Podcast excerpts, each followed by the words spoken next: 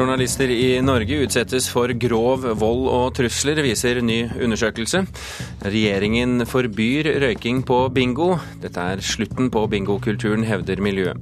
Og så kommer utenriksminister Barth Eide for å snakke om regjeringens nye stortingsmelding om kultur.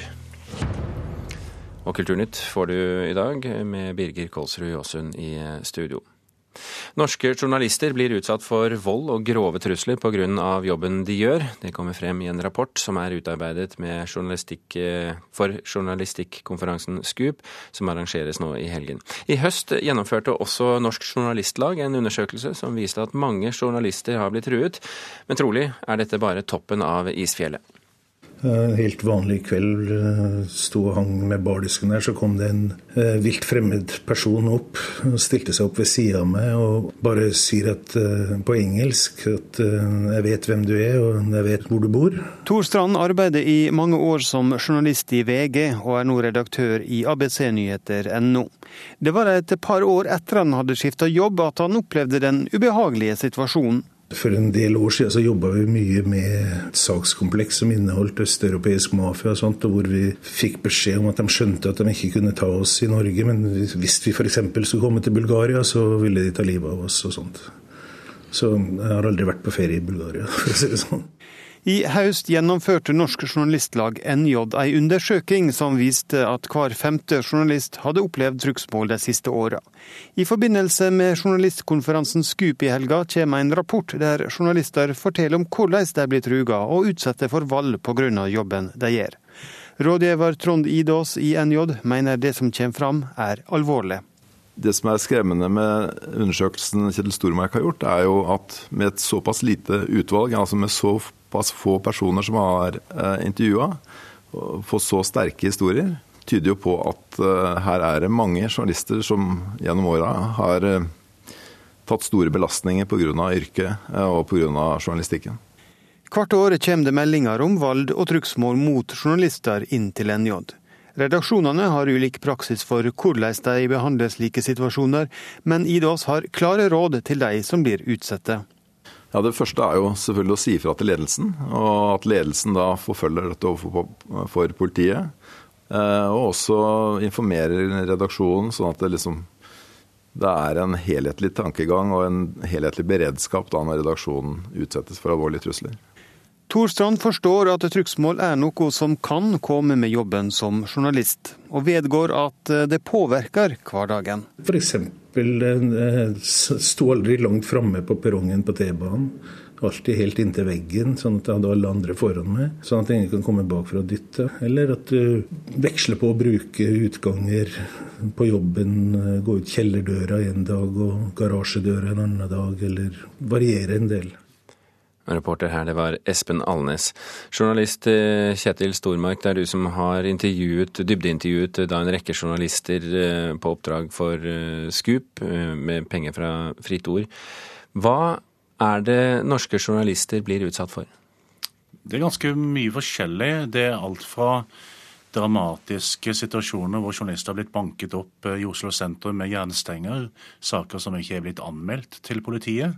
Eh, kvinnelige journalister som har spontanabortert pga. alvorlige trusler og trakassering over tid fra kilder som har vært misfornøyde med saker de har publisert, eh, til eh, mer regelrett utskjelling. Og, og, og, vi kjenner jo alle den mest alvorlige hendelsen som har vært mot norske journalister i Norge. Det er jo Eh, skuddene mot eh, Dagsavisen journalist Nina Jonshus bolig i 2006, eh, hvor åpenbart et kriminelt miljø sto bak, men den saken er jo ennå da ikke oppklart. Men er det bare journalister som jobber mot kriminelle miljøer, eller gjelder det andre journalister også? Nei, det, dette er sammensatt. Det er eh, kriminelle miljøer, eh, ekstreme personer med ekstreme oppfatninger både av religiøs og politisk avskygning. Eh, men det kan òg være folk som har eh, næringslivsinteresser, eh, små bedriftseiere, som blir utsatt for undersøkende journalister, og som føler at livsgrunnlaget deres er trua, som kan begå ganske ekstreme handlinger, trusler og vold mot journalister. Hvordan håndterer journalistene disse truslene? Veldig forskjellig. Det er mange som ikke går videre med saken av ulike årsaker, både personlige og og, og profesjonelle. Det er en del som anmelder. Eh, I økende grad så ser man jo at medbedriftene får nulltoleranse på den type saker, og insisterer på at disse sakene skal anmeldes. Men så har man også et stykke vei å gå i politiet på å ta disse sakene på tilstrekkelig alvor. Og Der har da heldigvis Riksadvokaten nå ganske nylig påpekt at disse sakene skal prioriteres høyere. Men foreløpig så er det veldig få av disse sakene som fører til etterforskning, og enda færre som fører til dom. Men blir eh, volden tatt på alvor og truslene tatt på alvor i redaksjonene rundt forbi? Ja, det er en økende bevissthet rundt disse temaene, og de forskjellige mediehusene, de store mediehusene som jeg har snakka med i forbindelse med denne undersøkelsen, blir stadig flinkere til å få opp systemer på håndtering av slike saker. Men det arbeidet eh, som foregår på dette området i mediehusene, er fortsatt preget av at, eh, at, det er store forbedringspunkter i forhold til systematikk. Eh, det er utfordringer på kompetanse og innsikt i forhold til disse temaene i ulike redaksjonsledelser. Og det er nok mange journalister som havner i slike situasjoner som føler seg veldig alene, og som eh, ikke får de eh, tiltakene i sånne situasjoner som de trenger for å føle seg trygge. Hvilke konsekvenser får det for samfunnet når journalister i hvert fall forsøkes trues til eh, taushet? Dette er jo ingen privatsak eh, for journalister. Eh, det er heller ingen sak bare for mediehusene. Eh, det er mange som har påpekt, og det har de helt rett i, at forsøk på å få trua journalister til taushet, det rammer grunnleggende sett ytringsfriheten. Og hvis den tendensen øker i det norske samfunnet, at journalister blir trua til taushet, så går det på bekostning ytringsfriheten. Og det er et veldig dårlig værvarsel for hvordan det norske demokratiet utvikler seg. Da er vi i helt feil retning. Journalist Kjetil Stormark, tusen hjertelig takk for at du kunne komme til Kulturnytt. Og Vil du vite mer om denne tematikken, så blir det mer på P2 her i programposten Ekko mellom 9 og 11 litt eh, senere i eh, formiddag.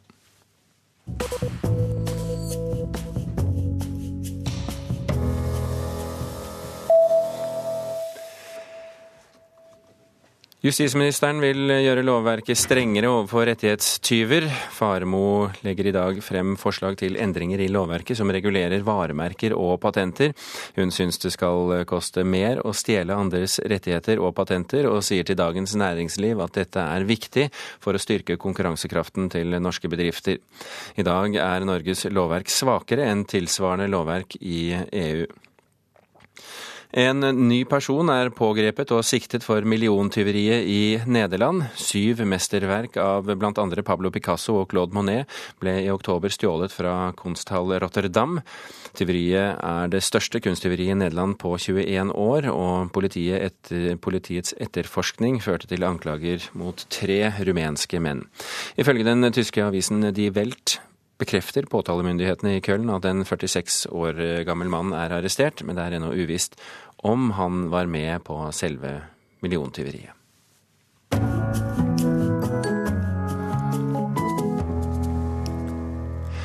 Regjeringen vil forby røyking på bingo. Røyk på offentlig sted har vært forbudt i ni år, men på ett område har røykerne tviholdt på sine rettigheter. Nå kan røykernes siste bastion, bingolokalene, også falle. Birge 7, 7. Geir Fredriksen spiller bingo nesten hver dag, og røyken er en trofast følgesvenn. Det, det betyr vel nesten alt. Jeg, nesten daglig så går jeg og spiller litt bingo, drikker kaffe og sitter inne og røyker og koser meg. Så hvis det blir borte, da slutter jeg å gå på bingo. Bingoer har hatt dispensasjon fra røykloven i ni år, men nå faller røykernes aller siste bastion. For regjeringen vil forby alle røykerom. Leder for Norges bingo- og lotteriforbund, Tage Gulbrandsson, sier at dette ikke er uventet. Så har utviklingen gått sin gang, og på et eller annet tidspunkt så måtte man vente at man ville få innstramning.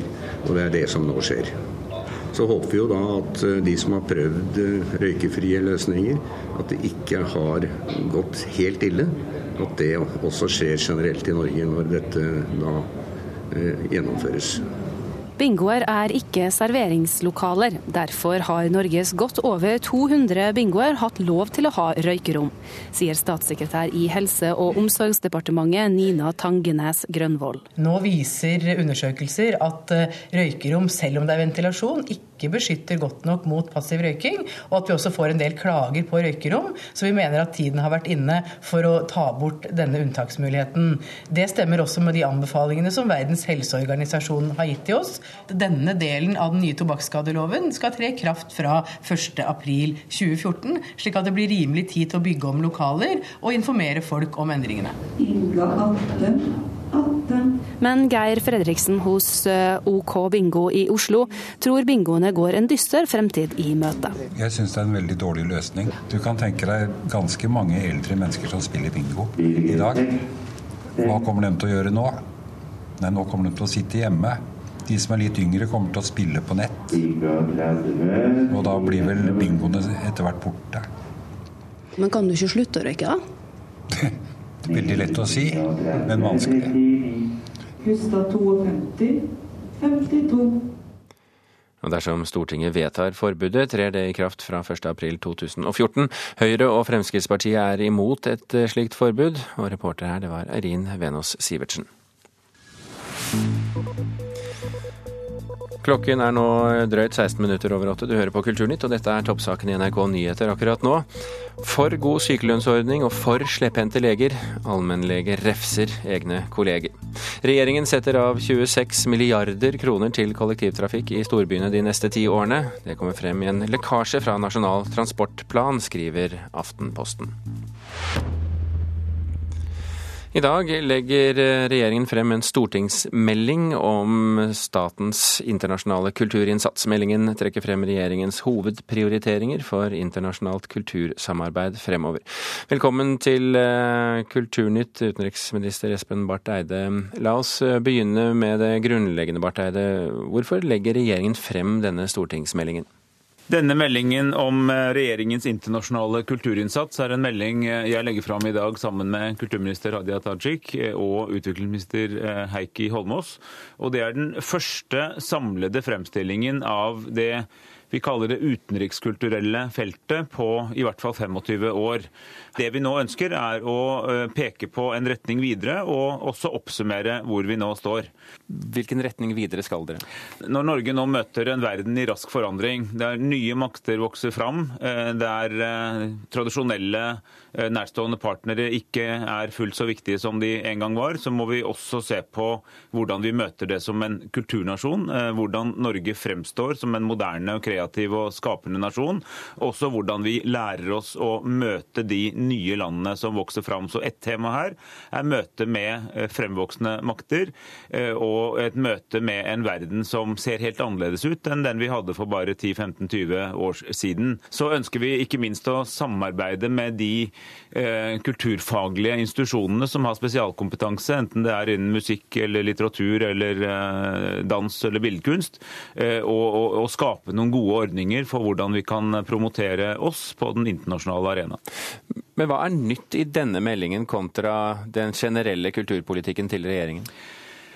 Det utenrikskulturelle feltet er jo en del av den generelle kulturpolitikken, men den er også en del av utenrikspolitikken. Vi har nå ved en rekke utestasjoner, både i, med tradisjonelle steder som London, Paris, Washington, Berlin f.eks., men også i eh, Beijing, Delhi, Eh, Tokyo. Folk som har som heltidsbeskjeftigelse å drive med eh, promotering av norsk kunst og skape kulturmøter.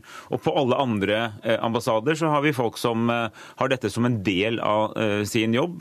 Det er i det hele tatt slik at vi i Utenriksdepartementet ønsker å løfte denne delen av vår virksomhet ytterligere, spisse den og profesjonalisere den. Og så har vi det utviklingspolitiske feltet. Der kultur er også en del av utviklingspolitikken. Og vi vet bl.a. at land i forandring land i overgang til demokrati f.eks., der spiller kultursfæren en veldig viktig rolle. Det har å gjøre med ytringsfrihet, det har å gjøre med å skape kreativitet eller å tenke nytt utenfor boksen. Og, og kultur er også en viktig av del av det utviklingspolitiske feltet. Hva venter regjeringen å få ut av uh, denne meldingen som altså legges frem i dag?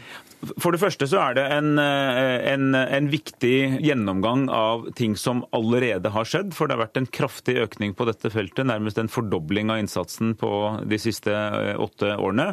Og for det andre så ønsker vi altså å signalisere noen, noen videre veivalg. sånn at det, det er ikke sensasjonelle nyheter, men det er altså en kraftig undersøkning av at dette er et felt som vi har ønsket å gjøre til en viktig del over tid, og som vi i enda større grad ønsker å gjøre til et tungt felt for oss. Utenriksminister Espen Barth Eide, tusen hjertelig takk for at du kunne komme til Kulturnytt.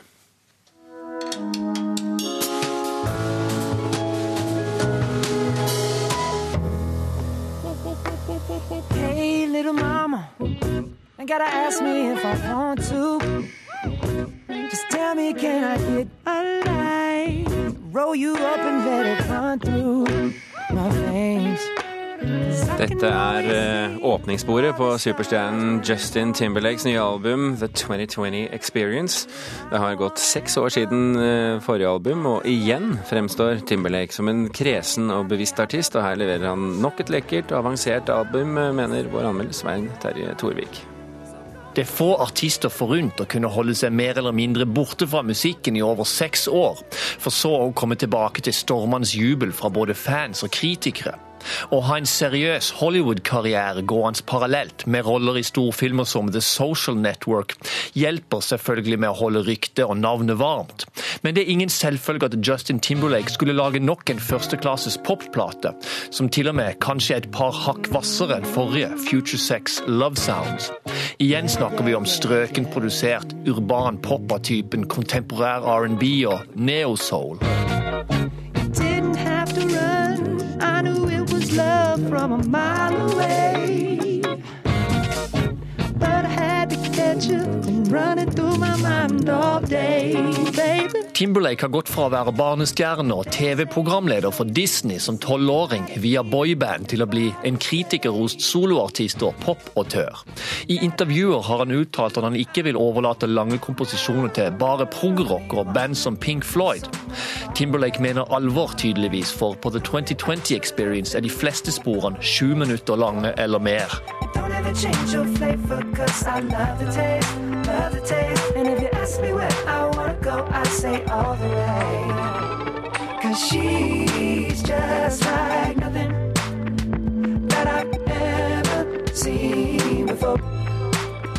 I låter som Strawberry Bubblegum er instrumentale forspiller, mellomspill fletta elegant sammen med ett eller flere hovedpartier, og gjerne lange uttoninger. Andre deler av denne låta endrer helt karakter med et komp og elpiano som minner om 1970-tallets Sly and the Family Stone og Stevie Wonder. Totalen blir en slags sofistikert kunst-R&B som både overrasker og underholder. That's what you told me when I touched on your lips. Door. Girl, before they pick up your scent, if you be my strawberry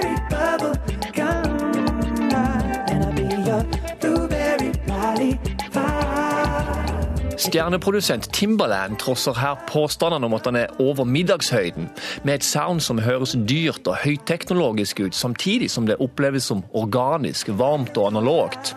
En ekstrem detaljrikdom gjør The 2020 Experience til en uvanlig fascinerende reise i lyd, uten at det blir overlessa.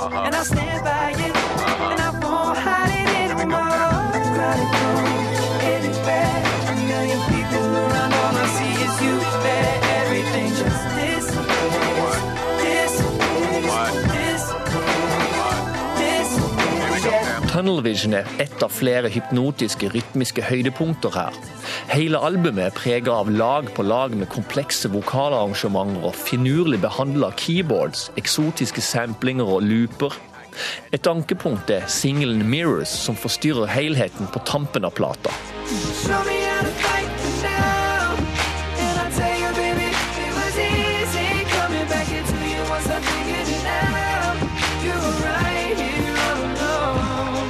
Denne glatte krysninga av R&B og en powerballade passer ikke helt inn. Jeg mistenker et kommersielt pliktløp her, der den er gjemt bort som nest siste spor. Klart hitpotensial og tiltrekningskraft overfor ungdommen gjør at den må med. Uansett, The 2020 Experience er et stykke imponerende popkunst fra Justin Timberlake. I think I heard what you said. He's not what you thought and you're fed up. I heard your girlfriend tell you you could do better. Well, I'm the best ever. But you're so far, I had to come get you. It's a light, it's dark in the back. You started moving, you put an arch in your back. Closer to me, closer to me. Sipping your drink, you're getting closer to me. You're dancing the light, starting to see.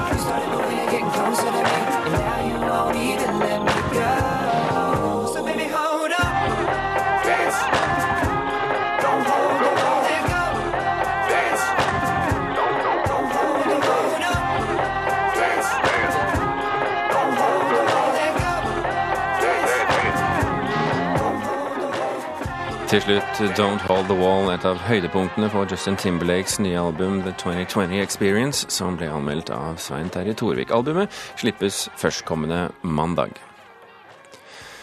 Til helgen er det NM for janitsjarkorps i Trondheim, der det konkurreres i sju divisjoner. Et korps som nettopp har rykket opp i elitedivisjonen, og som vil vinne hele greia, er fra en liten bygd på Toten. Hei, alle sammen. Tusen takk for i går. De har øvd sammen hver dag i det siste. De 60 musikerne i Kolbu janitsjarkorps i Østre Toten i Oppland. Takt eh, åtte på førstesatsen. Balansen ble feil. Vi pratet litt om det. Dirigent Christian Tenfjord terper for å få på plass de siste detaljene i Bert Appermonts symfoni nummer én, Gilgamesh. Alt for å være topptrente til NM for janitsjar i Trondheim i helga. Det er fire satser. Det er et enormt verk. Og eh, det blir større hver gang vi ser på det. På få år har korpset fra Kolbu, et tettsted med vel 600 innbyggere, blitt et elitedivisjonskorps. Det var vel det at vi for eh, flere år siden bestemte oss for en utviklingsplan som eh, orkesteret har fulgt og eh, har troa på. Og hvert år så har orkesteret tatt steg, og mange små steg blir til store til slutt. Stor, stor stas syns jeg det er. Jeg syns det er kjempegøy at vi kan gjøre noe sånt sammen. Leder Camilla Paulseth sier korpset fra Toten trekker til seg musikere fra et stort område. Vi har en god kjerner som kommer fra Kolbu, men vi har jo blitt et korps som er ettertrakta også fra andre. Så vi har også medlemmer som kommer fra Oslo, også nå flere fra Toneheim. Og så har vi fra Hov og Land, og vi har fra egentlig hele distriktet rundt også.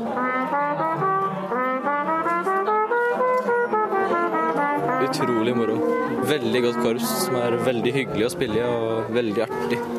Marius Slottsveen fra Dokka går på Toneheim musikkfolkehøgskole og kjører over to timer for å være med på øvelser med Kolbu janitsjarkorps. Nei, det er fordi det er et uh, godt korps som har uh, masse å tilby, egentlig musikkstudenter. Godt korps som har et høyt nivå som vi får ut, utfolde oss på. Fløytist Ole Fjelstad er en av de eldste i korpset og har spilt der siden 1958. Han sier det er blitt krevende å henge med på det høye musikalske nivået. I løpet av to-tre år så er det gått rett til værs. Og det er klart at med alderen så blir en litt tregere, men det er så mye unge, flinke folk som drar med meg. Og det er bra. For nivået i elitedivisjonen i NM er høyt, sier dirigent Tenfjord. Det kreves at du har ikke bare verket du skal spille inne, men at du har en veldig god grunnpilar i orkesteret på øvingsmengde. Det er klart, det er litt sånn som fotball. De fleste kan være tippeligalag i ti minutter. Men å holde hele veien gjennom, så må du ha veldig god basiskunnskap og veldig god grunnøving i orkesteret. Sist helg ble Kolbu, Hedmark og Opplandsmestere i janitsjar. Men så ligger det også mye øving bak. Det kan variere fra to timer om dagen til åtte timer om dagen. Varierer veldig. Nei, jeg ligger ved, nei sånn, sånn i snitt sju-åtte timer. I morgen skal Kolbu konkurrere om kongepokalen. Men hvorfor konkurrere i musikk? Det er noe rart med det. Det er morsomt å være god. Det er litt det, altså. Og kanskje også å vinne NM. Om det er sannsynlig, det får nå være, men vi skal jammen prøve. Og hvem som vinner NM i janitsjar i Trondheim nå i helgen, det får du vite i Kulturnytt mandag morgen, selvfølgelig. Reporter her, det var Stein S. Eide. Kulturnytt er nå i ferd med å runde av. I dag har vi fortalt at en ny undersøkelse viser hvordan journalister i Norge utsettes for grov vold og trusler. Og at regjeringen forbyr røyking på bingo. Dette er slutten på bingokulturen, hevder miljøet.